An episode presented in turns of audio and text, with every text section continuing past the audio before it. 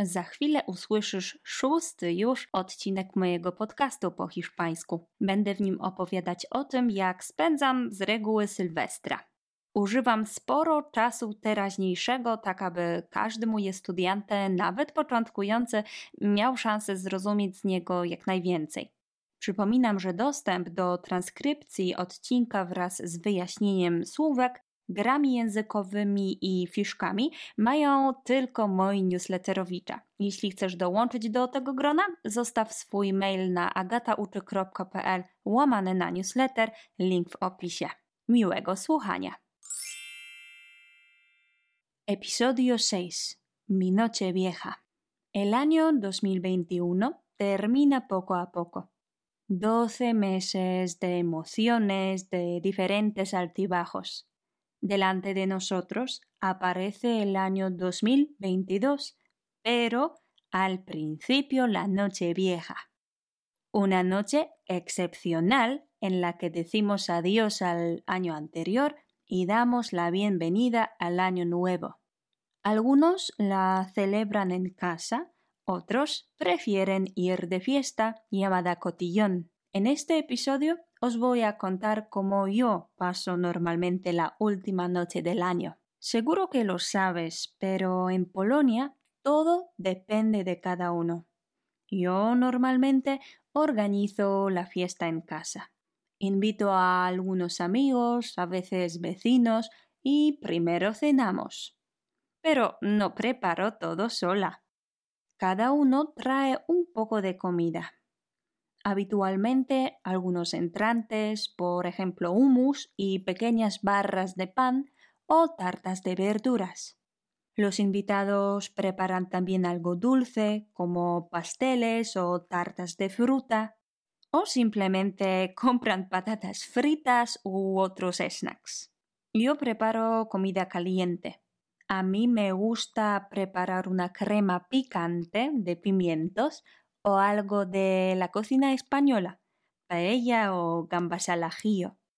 También es muy fácil preparar un plato de cocina mexicana, burrito, quesadillas o guacamole con tacos. Todo el mundo viene normalmente a las 7 o las 8 de la tarde. Cenamos, charlamos y jugamos a juegos de mesa y esperamos la medianoche. El ambiente es muy informal.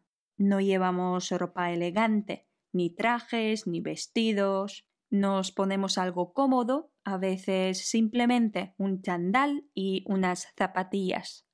Cuando son las doce, Solemos salir fuera para ver los fuegos artificiales, beber champán y felicitarse. Pero a mí personalmente no me gusta la tradición de los fuegos artificiales. ¿Por qué?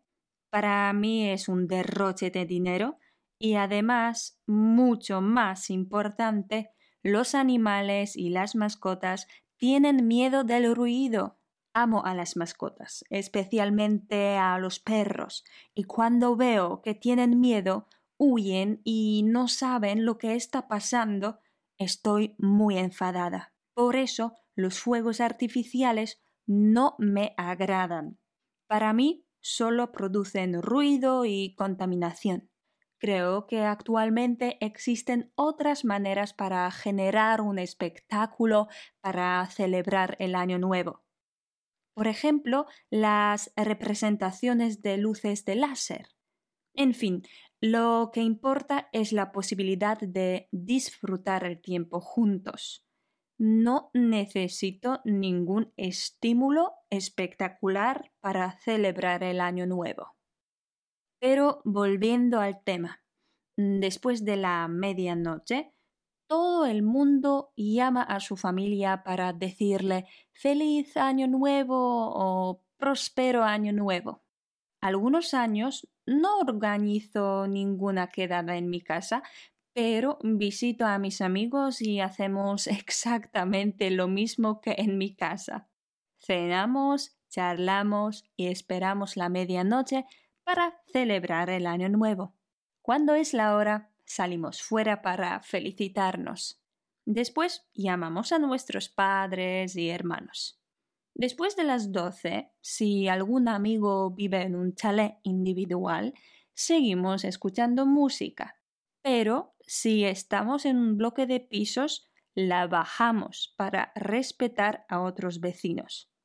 No todos quieren escuchar música hasta las tantas. Recordadlo si vivís de esta manera. Este día normalmente vuelvo a casa bastante temprano, a la una o a la una y media máximo. Depende de si estoy lejos de casa. A lo mejor soy aburrida, pero no me gusta acostarme tan tarde, incluso en la noche vieja. Quiero estar fresca el día siguiente. Rara vez voy de juerga. Esto es una fiesta loca. Las fiestas de este tipo las organizan normalmente los restaurantes o los clubes. Son las típicas fiestas en donde la gente baila y canta bebiendo bastante alcohol. Por eso no participo con mucha frecuencia en este tipo de fiesta. He pasado así la noche vieja quizás solo dos o tres veces en mi vida. No me gusta el alcohol porque incluso cuando bebo solo un poco, el día siguiente sufro muchísimo. No estoy acostumbrada, creo, y el alcohol se me sube rápido a la cabeza. A los 30 años mi cuerpo ya no puede aguantar ni una sola gota de vodka o cerveza. También es que no quiero empezar un nuevo año con una resaca terrible. Prefiero tener la cabeza bastante despejada y entrar con más fuerzas en una nueva etapa en mi vida. Bueno, esta es mi experiencia. ¿Y vosotros? ¿Cómo pasáis normalmente el 31 de diciembre? ¿En casa o fuera? ¿Con vuestros amigos o con la familia? ¿Tenéis que trabajar? Si lo escucháis en YouTube, dejad un comentario debajo de esta grabación con vuestras historias. Así podéis practicar un poco el español. Recordad que siempre preparo un PDF especial con la transcripción de este capítulo, la lista de vocabulario más importante de hoy, las fichas en Quizlet y los juegos para practicar el vocabulario.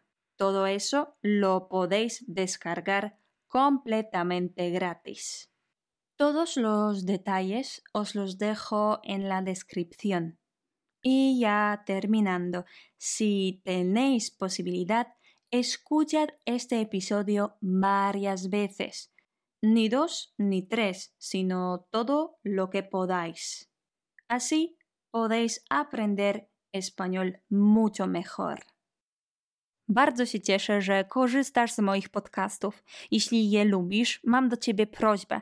Zostaw 5 gwiazdek w sekcji ocen Spotify lub iTunes. Będę Ci za to bardzo wdzięczna, a na dodatek być może więcej osób przekona się do nauki hiszpańskiego. Gracias!